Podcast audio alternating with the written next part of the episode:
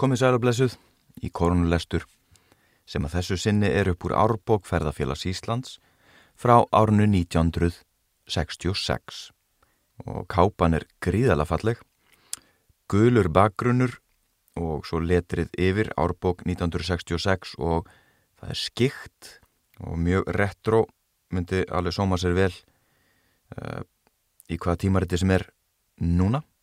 Og svo er litmynd sem að nánast verðist sko, maður geti haldið að hún væri handlitu, hún, hún er það nú ekki. Þetta er ljósmynd eftir Harald Mattiasson sem að semur þetta rit. Það er Rángarvalla vest, sísla Vestan Markar Fljóts eftir doktor Harald Mattiasson og það er ímislegt í þessari bók en ég er þegar búin að ákveða hvað ég ætla að lesa því að eins og með allar aðrar árbækurinnar þá munum við aðeins glukka í og lesa kapla og kapla og ég ætla nú að renna yfir efnisefilitið til að fáum smá uh, insýn og kannski minnum okkur á hvað er innan uh, rángar valla síslu vestan markarfljóts. Og þar að leiðandi kannski eitthvað tengingar um, uh, við umræðefni við eldri ættingja.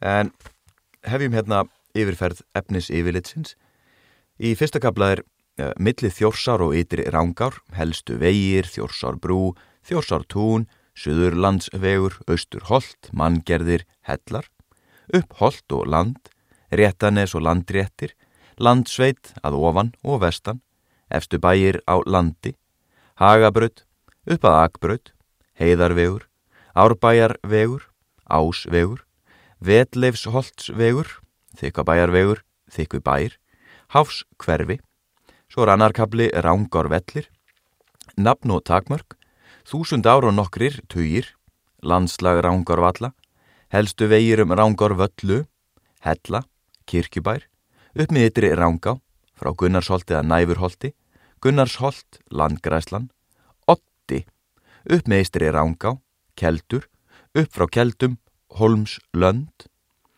og það er alveg hellingur hérna sem ætti að geta svona vakið upp Uh, hugmyndir og umræðefni og spurningar við ykkur eldri ættingja, sérstaklega þá sem ég ættir að rekja þangað, en svo annars er bara hægt að spyrjum Mattias Jokkumsson og hans ári 8 til dæmis sem prestur kringum 1880. Svo er það þriðikabli, það er kvól reppur, engir undrikablar. Svo er það fjóruðikabli, landegar og ég ánum til með að kasta út hvaðið til hennar þurriðar, þurriður, landegarna þínar og freki og það er vesturlandegar, Bergþórskvoll, Östurlandegar. Svo er að fymtikabli Fljótslíð eftir Oddgeir Guðjónsson og undikablin þar er Tungu. Sjöttikabli er Þverá og Markarfljót, Landbrót kunnáttumenn, Árnarbrúar, Hlaði fyrir Þverá og Markarfljót. Svo er að sjöndikabli Sögustæðir Njálu og áttundikabli gengi á þrýrning og örnefnaskrá. Og að renna svona yfir þetta fær mér nú til að vilja lesa þetta allt saman, fræðast um þetta allt en við verðum að takmarka, takmarka okkur þannig að val mitt byggir á því að fyrir nokkrum dögum síðan var ég fyrir austan uh, þurfti að fara upp að sólumauökli í smá vinnuferð kanna með ástand myndavélar sem er þar. Boltuði klett og fylgist með hópi sólumauökuls sem er nokkuð stöðugt. En uh, á leiðinu austur þá stoppaði við markarfljót lagði bílnum í rigningu, hlusta á stórskemtilan þátt uh, glans á rás 1.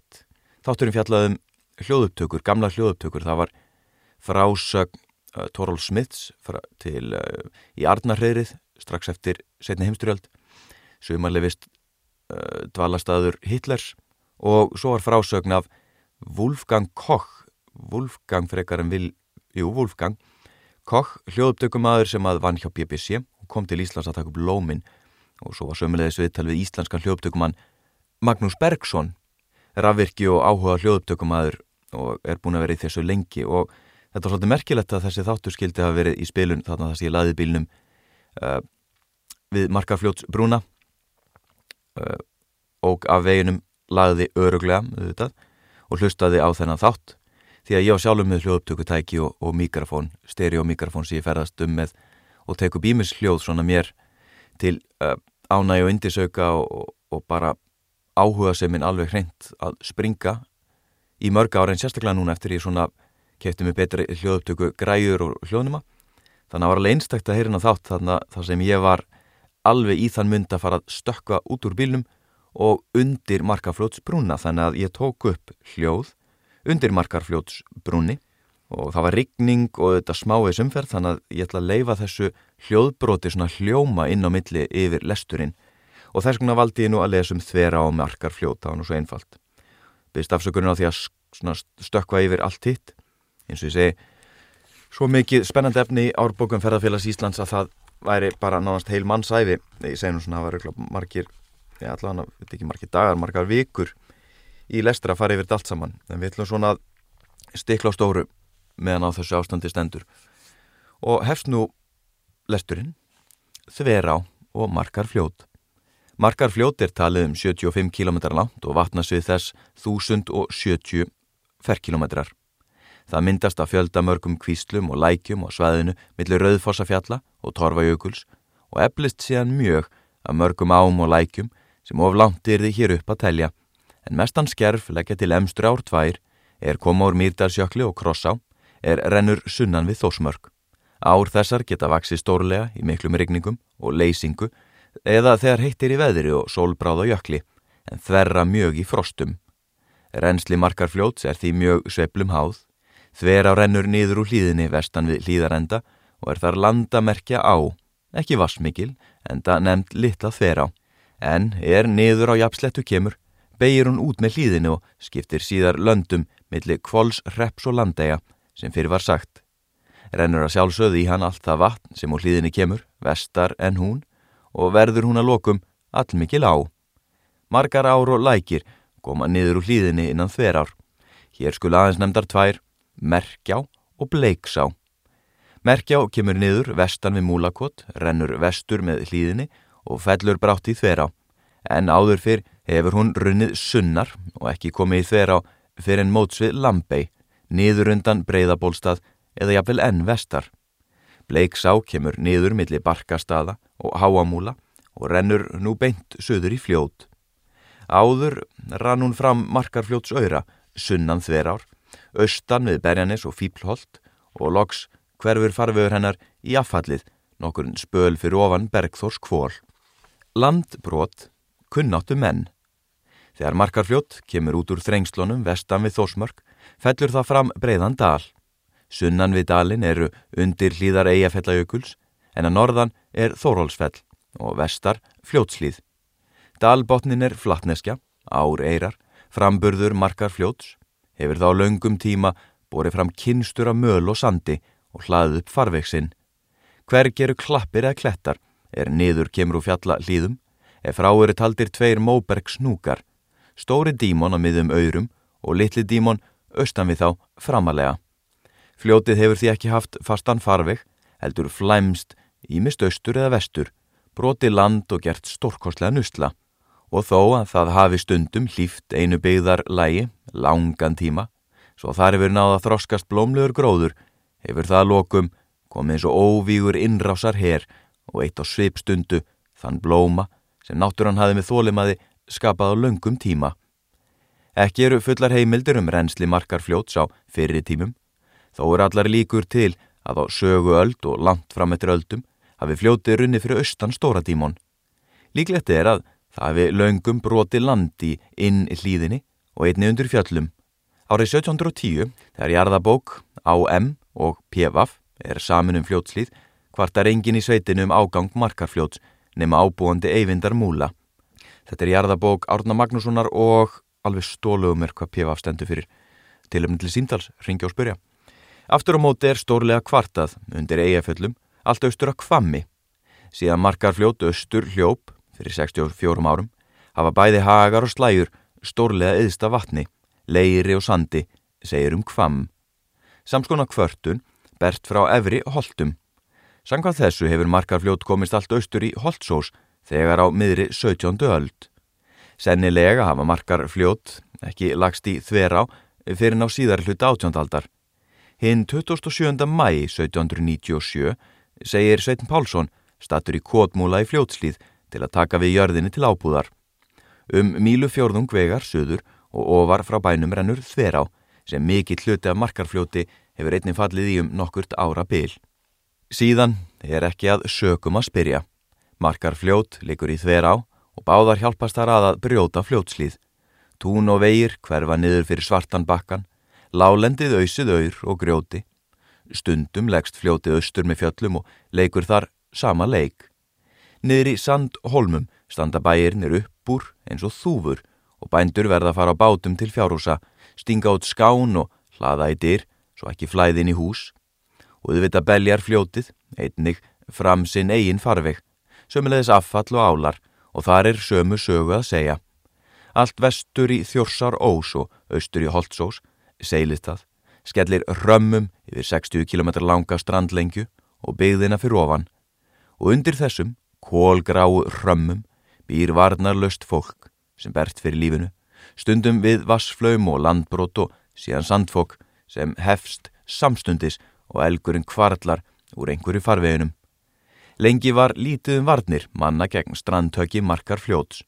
Þó er getið um tilraun á öndverðri 16. öld. Þá bjói Eyvindarmúla Holmfríður Ríka Erlendsdóttir, föður sýstir Páls Vigfússonar á hlýðarenda og önnu á Stóruborg.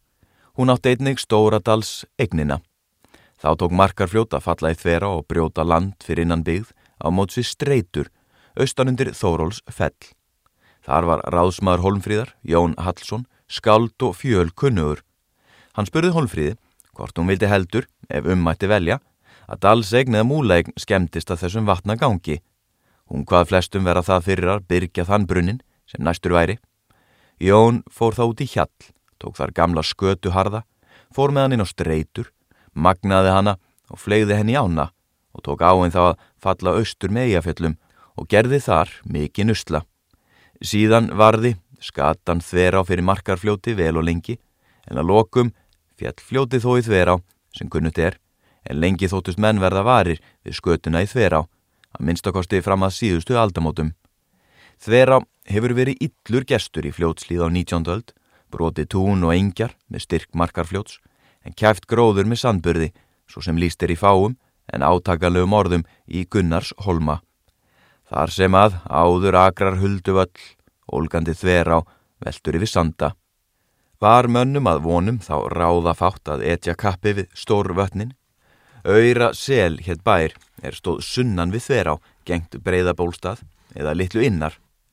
Maður er pall hétt, hræktist undan skaftáreldi út í fljótslíð og fekk leifi sér að Stefáns á breyðabólstað að setja þar bæ og efsta horni hins fórna jarðvegar á vestur landi er auðrum. Hér er vísaði heimild, uh, það er árbók fordleifa félagsins 1902, 12. blaðsíða. Var bærin svo að segja í farvegi þver ár og mæti mjög á landinu. Eftir Pál bjóð þar augmundur, sonur hans, og átti hans son er einnig hétt augmundur og bjóð hann þar eftir föðu sinn á ofanverðri 19. öld. Svo brá við er augmundur yngri hóf búskap að þver á hættabrjóta land hans. Hlóð hann þó ekkert fyrir hana, svo sem aðrir er endu. Þóttust menn vita að augmundur beitti kunnáttu nokkuri í baráttu við vötnin. Er ekki orðlengja það að margir fingu augmund til að stöðva ágang vatna engum undir fjöllum og í Myrdal og varð hann vel við. Óglögt vissu mennum aðferð augmundar, vildi hann vera einn er hann stöðvaði vötnin, en ættíð þurft hann gráan freskött og grátt ullar hnag og hver eitt hafði hann jafnað með sér á slíkum ferðum og hugðumenn þar fórn hvæði. Er augmundur í Auraseli, sennilega síðastur kunnáttumadur á Íslandi. Um augmund má sjá nánar í þjóðsögum Jóns Þorkelssonar, blaðsju 318-324. Skemmtilegt þegar getið er heimild að maður getur svona stokkið á milli fróðleiksmóla í ólíkum uh, heftum. En það spurning hvort að setja nálgast eitthvað þessu á tímaritt.is ég nú kannan það sjálfur. En fordleifafræðin var heill kapitul út af fyrir sig sem að spurja má eldri ættingum já fordleifafræði þar hafið það. Heru, það er næst árnar brúar. Og við skulum heyra hérna fyrsta hljóðbútin sem er tekin upp undir markarfljóts brúni á regningardegið var þarna að ferða á förstu degi og þar satt ég í regningu eftir að hlustað á skemmtilegan glansþáttar á seitt og tók upp hljóðið í markarfljóti. Gjör þessu vel.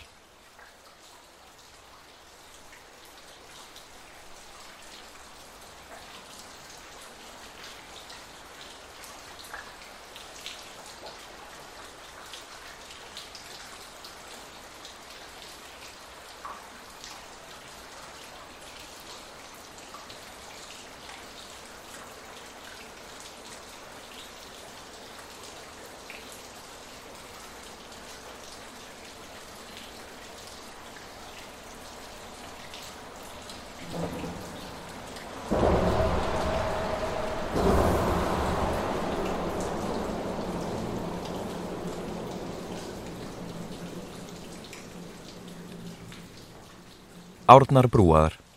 Eifellingar hófu skipuleg samtök að reysa rönd við markarfljóti þegar skömmu eftir síðustu aldamót.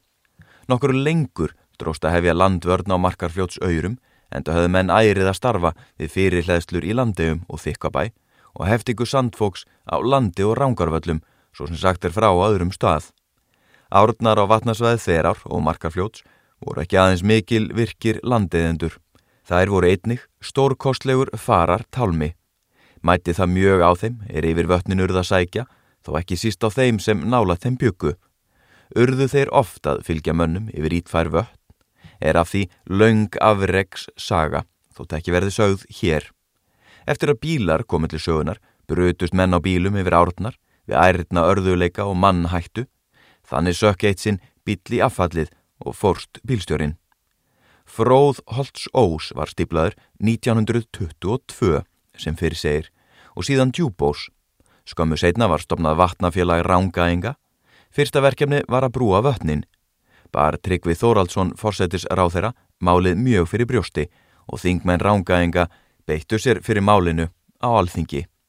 Árið 1932 veitti alþingi 60.000 krónur til brúargerðar á Þverá. Þá var kreppan sem hörðust, en til þess að örugt væri að framkvæm drægist ekki vegna fjárskorts beitti síslunend sér fyrir því undir fórustu síslumanns, Björgvins Vigfússonar, að bændur lánuðu fér til brúagerðar um stundar sakir. Sást þá að héraðsbúar stóðu sem eitt maður að þessu nöðsynja máli. Varð þáttaka almenn, þótt kreppan þrengdiða mörgum. Þannig voru til dæmis landmenn meðal þeirra sem mest löðu fram, þó að þeir hefði sjálfur ekkit að segja á spellvirkjum vatnana. Varð lánsupphæðin alls um 100.000 krónur og næði til að byggja brú á Þverá og affall. Var Þverár brú víð 21. ágúst 1932. Skömmu síðar voru álar brúaðir. Þá var þegar hafist handa um brúargerð yfir markarfljót. Var brúarsmiðinni lokið 1934 og brúin víð með mikilli viðhöfn í fögru veðri 1. júli það ár. Var hátíðin haldin í Littla dímon, austan við brúarsporðin var það fagnar dagur í rángarþingi. Nú gáttu menn minnst þess með gleði hvernig hér að spúar rýsa upp sem eitt maður er nöðsing krefur og leysa stormál í samstarfi við ríkisvaldið. Nú var þess minnst að markar fljót hafi verið sigrað tvísvar. Fyrst er skarpiðin stökk yfir það, er það fjall meðal höfuð Ísa og nú er það hafi verið brúað með einu átaki markara. Sannaðist þar að afreiksmaðurinn stekkur yfir torfarina en hugvitsmaðurinn brúar hana. Rétt áðurinn við förum í uh, næsta undirkabla sem er hlaði fyrir þvera og markarfljót. Þá heyrum við ennþá hljóðbútin sem tóku upp undir markarfljótsbrúni og það er alveg magnað að heyra bílana fara yfir en kannski ennþá magnað að horfa á brúarstöpplana, uh, þessa kassalaga stöppla sem ganga nýri ána og sérstaklega hugsa til þess að þarna niðri fyrir, það er engin klöpp. Þetta eru, tí, þetta eru hundruður metra af sandi bara beint niður, það er eins og með skeiðar á sand og, og breyðamerku sand og fleiri, þetta er alveg gríðarlega dýft af bara sandi. Þannig að þetta er náttúrulega algjört afreg, hálfgett kraftaverk að það skulle hægt, vera hægt að brúa þetta. Ég er engin verkfræðingur, þótt að pappi og afi séu verkfræðingar, þá, svona, þá er ég já, fjarrið því að hafa svona verkfræði insýn, en þetta er væntalega velbyðbrú allavega stenstímislegt og við munum náttúrulega eh, mörg hver flest okkar munum eftir hérna Eyjafellakosinu 2010 þegar að gröfumadurinn hérna eins og frækt var bjargaði brúni með því að grafa, uh, grafa skurð í þjóðvegin, raufvegin ekki bara klappa fyrir því. Það má minnast góður að verka. Hetju dáða skjótra viðbræðana við, viðbræða en heyrðu, undir nýð uh, markarfljótsins höldum við að fram lesturinnum eftir er enn yðvar hluti. Svo mælti skarpiðin til Kára og bræðra sinna er hann hafi stokkið yfir markar fljót. Þessara orða myndust menn við Víkslu markar fljótsbrúar 1934. Þrátt fyrir hinn stórmerka áfanga sem náð var með byggingu brúna var ekki enn náð hinnu langþráða loka takmarki að hlaða fyrir markarfljót alla leið upp í fljótslíð. Svo framkvæmt var nöðsynleg bæði vegna landvarnar og einnig samgangna. Þess vegna var byrjað á varnagarðinu mikla frá ytra sporðið markarfljóts brúar og upp í dímon. Um leið og brúin var byggð og lokið við hann á sama ári. Var það mikið verk og erfitt því að þá voru jarðítur enn eigi komnar til sögunar. Grjót til garðsins var sprengt úr stóra dímon og var það sjálfsögðu flutt á bílum en mokstur allur með handabli. Ég ætla að endur taka þetta, en mokstur allur með handabli.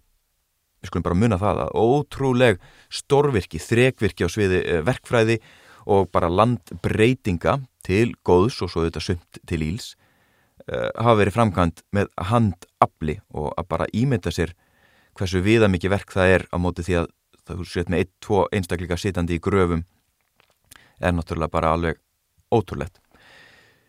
Síðar voru byggðir varnargarðar úr dímon og upp í hlýð. Var það verk miklu auðveldara því að nú voru jarð ítur komnar. Síðan hefur garðurinn allur verið styrtur, breykkaður, einnig grítur andstreimis. Hefur hann dugað vel enda er hann undir stöðu og eftirliti vegar verkstjóra. Nú er það vatneitt í þverá er kemur niður úr hlýð. Er því bergvatn í áni og hefur hún nú hægt um sig. Með þessari framkant tókst að lokum að bæja frá bráðri hættu sem vofað hafði yfir byggðinni í nærfælt tvær aldir. Nú getur að líta víða í inn hlýðinni, brattar, háar gras bríkur er vitað þver á. Það er brotbakkin fórni og er nú full gróið fyrir. Brekkan stendur sem talandi táknum þá eyðingu sem vofði yfir byggðinni en var bækt burt með samhjálp og þrautsegu. Hérna er einn svona almenn uh, vangavelta um, um uh, umræðefni, tilefni til símtals. Það er bara svona almenn gróðureyðing eða eyðingavöldum loftslag eða árfarvega eða bara veðurfarslegra þetta og þetta maður fara alveg nýri það að segja já það stendur nú helviti slæm hérna suðaustanáttin á bústæðin sko að það er að bera á þetta hverju vori eitthvað svo leiðis. Þannig að bara áhrif veðurs uh, og náttúru á eitthvað sem tengist einhver eða ættingum einhver eitthvað nátt. Það getur verið sumabústæður, það getur verið uh, það getur verið uh, æsku slóðir eða uh, landsvæði þar sem að þið ættir að reykja. Til dæmis var mjög mikið vandamál með uh, jökuls, með hornarfjarðarfljót. Það gekk mjög á tún og það er ekki fyrir að varnagarða voru byggðið þar, manna ekki hvernig það var. En það gjör breytti landbúnaði í, þarna í í kringum Hortnafjörð hvað heitir það svæði? Lóni? Nei, Hortnafjörð Æ, við kenni fáfræði með að velta upp svona spurningum hérna í nánast beitni útsendingu. Ég neita að klippa. Þetta er bara fel, felst eins og dómur á mig. En næsti kapli er kapli 5, 6, 7 og það er sögustæðir njálu og það er ávalt gaglegt að rifja það upp. Þetta situr í sumum alveg hreint bara eins og bara stafróið sumir kunna allar helstu Íslandikasögurnar og karatera og, og skemmtileg bókin manni eftir hérna Hetjur og Hugarvíl. Hetjur og Hugarvíl eftir hann eh, eftir hann Óttar Guðmundsson. Stór skemmtileg bók, ég ekkert tí hann tók í viðtaliðan í, í sambandi við hanna fyrir útastættir sem ég var að gera. En við förum bara yfir í sögustæði njálu og hérna eru glæð lítið talað um mögulega geðsjúkdóma sem hafa plagað helstu hetjur fortsagna okkar. En það er í bókinni Hetjur og Hugarvíl. Njáls saga er mest og frægust Íslandinga sagna. Megin hluti hennar gerist í Rángárþingi, fjöldi bæja á annara staða kemur þar mjög við sögu. Margir ferðamenn koma í Rángárvalla síslu til að sjá helstu sögustæði njálu. Er því, hér sérstakur kaplu um þá og sá háttur hafður að þeim er líst í þeirri röð sem þeir koma fyrir í sögunni og á þann hátt sem nöðsynlegt þykir til að skilja gang hennar. Mörgum þessara staða hefur verið líst áður og er þá vitna til þeirra. Mörður Gíja er ríkur höfðingi og vitur, býr á velli á rángarvöllum, er það völlur í kvolreppi. Hann er sonur Sigkvats Rauða, er namn land vestanmarkarfljóts fyrir innan núverandi byggð. Dóttir hans er unnur, væn kona og kurteis. Hún giftist Hrúti Herjólfsinni, halvbróður Höskulds Dala Kollssonar í dölum vestur, en þau eiga ekki hill saman Unnur skilur við hrút en hann neytar að greiða fjenar. Tveir bæir koma mest við njálu, hlýðarendi og bergþórs kvoll. Má segja öll sagan snúist beint og óbeint um þá og heimamenn þar. Á hlýðarenda býr Gunnar. Hann er ekki góðásmaður en þó komin að tveimur göfustu ættum í rángar þingi. Hámundur fadir hans er sonur Gunnars Bögssonar í Gunnars Holti en móðir Hámundar var Hrafnildur Stórólsdóttir, Ketilssonar Hængs. Móðir Gunnars, Rannveig, var komin að sigkvætti Rauða. Gunnar er þannig náskildur merði Gíu. Gunnar er þannig líst að hann hafi verið hinn glæsilegasti kappi er sögur greina frá. Og eigi var sá leikur að nokkur þyrti við hann að keppa og hefur svo verið sagt að enginn væri hans jafningi. Gunnars er getið í fleiri sögum og ætið á sama hátt. En Gunnar var ekki aðeins vopn fimmur. Hann var einni stiltur, friðsamur og drengur góður. Með Gunnari voru bræður hans tveir, Kolskeggur, drengur góður og örugur í öllu, og Hjörtur, er var í barnæsku, er sagan gerist. Njál Þorgersson býr á Bergþórs kvóli. Hann er spekingur að viti, forspár, heilráður og góðgjarn. Kona hans er Bergþóra Skarpiðinsdóttir, skaphörð en góður drengur. Þau eiga þrjá sónu, Skarpiðin, Helga og Grím. Skarpiðin er elstur og fyrir þeim bræðurum, vígur vel, harð, lindur og skjót orður, en þó löngum vel stiltur. Tværi dætur þeirra koma við sögu, Þorgerður og Helga. Höskuldur hétt sonur Njáls, Laungetinn. Móður hans hétt Hróðni, sýstir Ingjald spondað Kjeldum. Þeir Gunnar og Njál voru miklir vinir. Unnur Marðar dóttir Gíu byður Gunnar að heimta fjesitt af hrúti. Gunnar tekur að sig málið, nær fjennu og nýtur þar ráðsnildar Njáls. Njáls sinir kvænast allir að ráði föðu síns. Skarpiðin gengur að eiga Þórildi, dóttur Rapns úr Þórólsfelli, en Þórólsfell er skamt fyrir hann núverandi byggði fljótslýð. Vita menn ekki með vissu hvar bærin stóð. Þeir feðgar áttu þar síðan bú annað. Grímur gekk að eiga ástriði af djúbárbakka auð og ekkju. Djúbá mun vera sama á og hóls á, en bærin vestan við ána, austan við þykvabæ. Austan við ána, nokkru neðar, er bær sem heitir Gríms staðir. Er talið að þeir séu kendir við Grím Njálsson.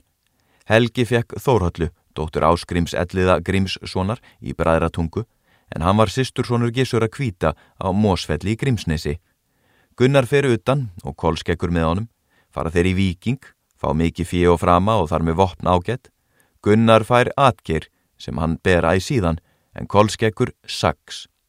Gunnar sækir oft hilraði til njáls, en þó ekki einu mjög mikilsverðu máli, er hann festir sér konu. Hallgerði, dóttur Höskuld Stalakollssonar, bróður dóttur Hrúts Herjólfssonar. Hallgerður var glæsileg kona, en blendin í skapi. Stafaði ætíð ógæfa frá henni. Hún hafi verið tvígift áður, ráði fyrra manni sinum bana og orðið með nokkrum hætti völda dauða hins síðari, óviljandi þó. Af henni mun standa allt til ídla er hún kemur austur hingað, saði njál. Það varð orð að sönnu. Þráinn, einn af Sigfús sónum og er voru náfrændur Gunnars, fastnar sér konu í brúðköpseislu Gunnars, Þorgerði, dóttur Hallgerðar af öðru hjónabandi. Mælti njál með að þessi ráð tækist. Komst þráinn, þannig, undir áhrifa vald Hallgerðar.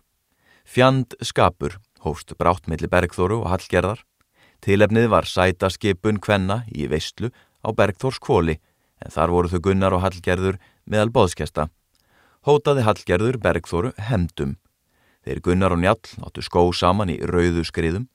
Hauðu þeir ekki skipt skójunum og hjó hver sem vildi. Rauðu skriður eru þar sem nú heitir Stóridímon á markarfljóts öyrum. Þangar sendi Bergþóra svart húskarl til skóarhags. Það fretti Hallgerður og let kól verkstjóra sinn drepa svart þar. Til hemda let Bergþóra Atla húskarl drepa kól upp í fljótslíð. Næsta vor sendi Bergþóra Atla upp í Þórólsfell til kólagerðar. Þar let Hallgerður Brynjólf frænda sinn drepa Atla. Bergþóra sendir nú Þorð Leysingjason til að drepa Brynjólf en Þorður var fósturinn Njáls svona. Hann fer til hlýðarenda og spyr Hallgerðum Brynjólf. Hallgerður segir að hann sé niður í Agra tungu. Agra tunga mun hafa verið niður á Japslettu, niður og söður frá bænum og hlýðarenda. Það land hefur þver á síðar brotið. Þorður hleypur úr túninu og niður í Agra tungu, mætir Brynjólfi á förnum vegi og vegur hann þar. Nú vandast málið. Njáls sinir voru til henda, erði Þorður vegin. Hallgerður fær nú Sigmund, frænda Gunnars og Skjöld, félaga hans, til að drepa Þorð, er hann var á heimleið úr Þóróls felli. En þráinn Sigfússon til að vera viðstatan til að gera hann sam ábyrgan um verkið. Njál og Gunnar höfðu sæst á öll víg og svo var enn. Síðar fekk Hallgerður Sigmund til að yrkja nýðum njál og síni hans. Förukonur bera fréttina til Bergþóru og ekkjar hún síni sína til hemda. Um kveldið sér njálla sínir hans stefna frá bænum upp á kvólinn. Heldur þurr upp til fljóts hlýðar um nóttina. Sigmundur og skjöldur fóru til stóð rossa þennan morgun, fundu stóðhestin í hlýðinni millir tvekja lækja, leittu hann ofan að götum. Þar fundu njáls sínir þá og váu þá þar. Ekki undið ákveða hvar í hlýðinni þetta hefur gerst. En sættust þeir Gunnar og njál. Valgarður Grái býrað hofi á rángarvöllum, stór ættaður, dóttur svonur Raps Hængssonar. Hefur hann ert goðorð og staðfestu, óðalið, eftir móður sína. Hann kvænist unni marðardóttur, frændkonu Gunnars. Það líkar Gunnar ítla á njáli og mörgum öðrum, því að hann var grálindur og óvinn sæl. Sónur þeirra unnar var mörður. Valgarður er síðar langdvölum erlendis, en mörður tekur við búi og góðarði, er hann yfir aldur til, slæjur og illgjarn, illa til allra frænda sinna, verst þó til Gunnars, engum fyrir öfundar sakir. Ótkjall býr í kirkjubæ, frændi gissur að kvíta, auður en óvitur. Vinur hans, skamkjall, býr á minna hofi. Hann var íllgjarn, lígin, ódæll og íllur viðregnar. Óvinnáta hefst millir ótkjalls og Gunnars. Hefur Gunnar í hallæri, falað hei og mat af ótkalli, en hann neytar, en selur Gunnar í þræl. Hallgerður lætur þrælinn stela mat í kirkjubæ í hemdarskinni, en brenna ostabúrið, svo stuldurinn komist ekki upp. Gömul Tóft er í vestri kirkjubæ rétt við bæin, er hún kalluð ostabúrið. Sigurður Vigfússon grófi þessa tóft og saði þar miklar bruna leifar, mest á þryggjálna dýpi. Þrællin týnir við rángá á heimleið, hníf og belti sem ótkjall hafi gefið honum. Skamkjall finnur gripina, sínir ótkalli og kenna þeir báðir. Fá þeir mörði í lið með sér og kemst hann að því með kænsku að Hallgerður hefur látið stela ostinum. Sæst er á málið og hefur Gunnar sæmt af. Ekki er und að segja hvaða leið melkolfur hefur farið, skiptið þar mestu kvorum einn þrýhyrnings leiðin hefur leið. Stist virðist svo leið sem skúli á kjeldum gerir ráð fyrir. Út yfir þrýhyrningshálsa, yfir fiská fyrir framann reynifellsöldu, niður holmslönd yfir rángá á Þorgeirs vaði, út hjá Bergsnefi sem er vestan við minni stokkalækjar og síðan út að kirkju bæ.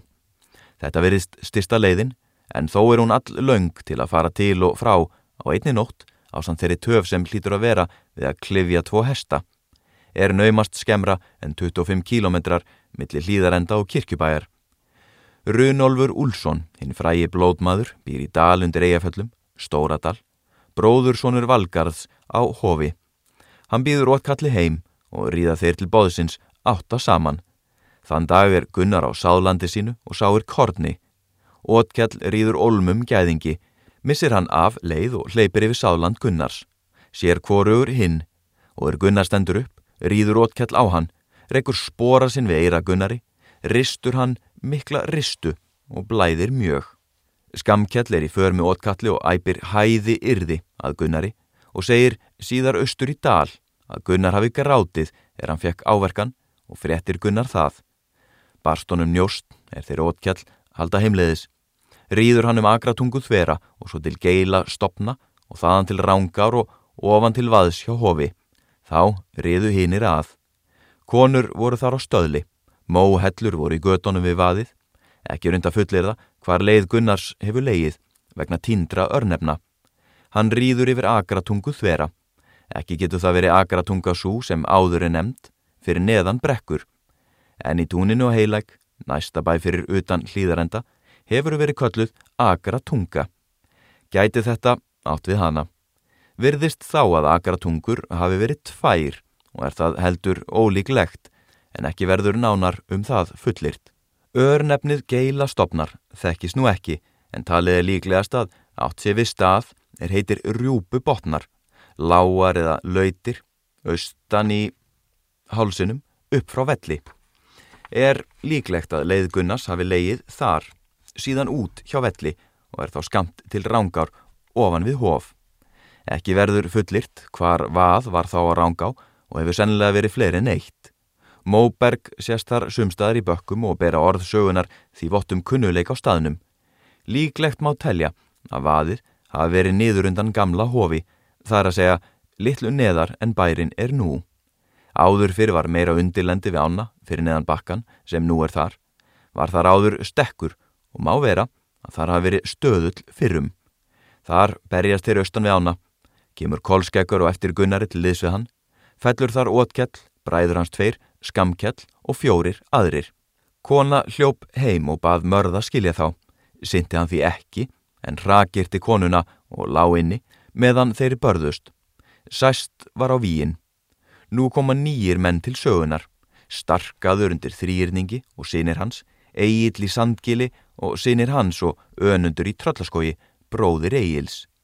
Engin þessara bæja er í byggð nú. Bærin undir þrýrningi hefur sannlega staðið söðaustan undir austurhorni þrýrnings. Þar eru rústir. Sandgil var um 6 km í norðaustur frá Kjeldum, eittist sábærað fullu 1760. Tröllaskóur er 4-5 km fyrir austan Sandgil, þar er nú auðun. Er talið að þar hafa eitt sinn verið kirkja en mjög langt er síðan, er hennar ekki getið í eldstu heimildum. Má semt og vináta var millir Sandgilsmanna og þeirra undir þrýrningi. Starkaðar sinir bjóða Gunnari hestavík og tekur hann því. Ekki vita menn hvar hestavíð var háð en giskaðar á að það hafi verið við hestaþings hól við rángá norðan við völl. Dregur til óvinóttu vegna hestaatsins og setja þrýrnings og sandgils menn þrjátjú saman fyrir Gunnari og bræðurum hans, kolskeggi og hirti, við knafa hóla og er þeir er á leið heimur heimbóði áskrims elliða grímssonar í bræðratungu. Knafahólar eru í raunbrúninni um fjóra kílometra fyrir norðan keldur. Leið Gunnars úr bræðratungu hefur sennilega leið yfir þjórsá á nautavaði eða eigarvaði, yfir yttir rángá hjá þingskálum og austur hjá knafarhólum. Nafnið og engum við tvo austustu hólana.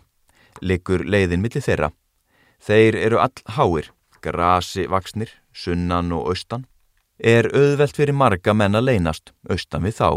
Sá sem kemur að vestan sér þá eigi fyrir en aðeir komið, eins og segir í njálu. Gunnar og bræður hans sjá fyrirsátina við knafa hóla, hleypa fram hjá þeim, austur að rángá, um 3,5 km vegalengt. Ríða munum við fram að rángá í nesið, Þar er víi nokkurt. Ekkert nes er nú þarna við rángá og ekki víi nema við klettin sem stendur 15 metra frá ánni. Er hann um mannhæðar hár? Hefur hann verið nefndur Gunnars steinn og hafa sömur giska á að hann sé víi það er Gunnar á við. Sennilega er nafnið ungt. Þarna slæri bardaga og falla alls 14 á fyrirsáts mönnum. Meðal þeirra, eigill í sandgili, tveir sinir hans, einnig tveir sinir starkaðar hinnir flýja. Hjörtur bróður Gunnars fellur en Kolskeggur særist. Dísjar hafa fundist um 70-100 metrum norður af Gunnars steini. Ógreinilegar mjög því að allt er þar blásið. Þar hefur fundist beinholkur með hjartarmynd, spjótsottar, hestfjötr, haft og fleira, en fremur mannabein. Talið er að dísjarnar hafi verið að minnst okkosti tvær. Hestur eða hestar hafa verið heiðir þarna, svo kumlin er úr heiðnum sið. Starkaður undan þrýrningi og þorgir, sonur hans, fengu mörð til liðs við sig um eftir mál. Sæst var á málinn á alþingi. Þorgir Starkaðarsson unir illa sættum og sækir mörð að ráðum.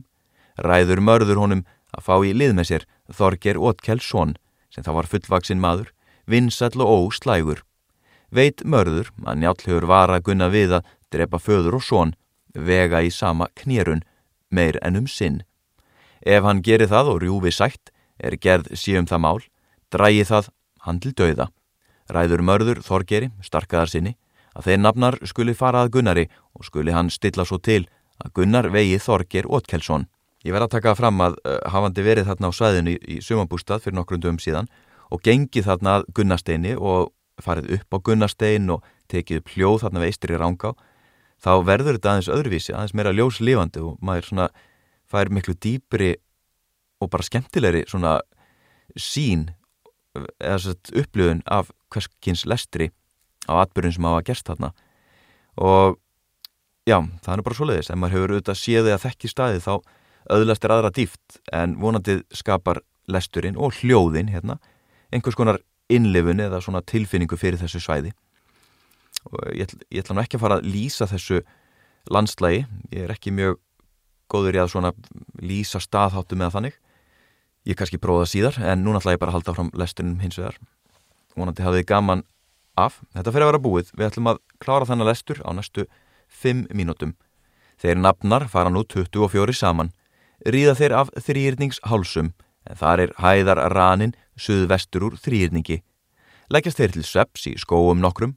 Njállir þessa nótt í Þórólsfelli finnur sögðamaður í Þórólsfelli flokkin og segir njáli Njál lætur þegar, segja Gunnari og safnar hann liði en fer sjálfu til þeirra nafna og hræðir þá burt. Verða þeirra gjalda mikið fjö fyrir sættar, róf og aðför. Ekki er und að vita hvar þeir nafnar sváfu í skói en vegaleindir eru hér í mestalagi til að smala maður geti borið njáli njóst og hann komist til fundar við þá meðan þeir sofa. Þeir nafnar sitja fyrir Gunnari, öðru sinni, nú við vað á rángá. Hefur mörður gert þeim viðvart að Gunnar hefur farið niður í eigjar að líti eftir heiskap húskarla sinna. Eigjar eru nefndar, oftar í sögunni, og heiskapur Gunnars þar, en ekki vita menn hverjar þær hafa verið. Landegjar er oft nefndar eigjar í fórnum rítum og má vera að Gunnar hafi fengið slæjur í vestur landegjum. Aðrir giska á slæjur í landi mó eðar kvóls, en ekki er vita til að þær hafi heitið eigjar. Einnig hefur verið giskað á Rappntófta eigjar. Þetta er því í óvissu, en hvar sem eigjar hafa verið hefur Gunnar verið á leið upp með rángá að vestan og vestan megin ár hefur fyrirsáttinn verið.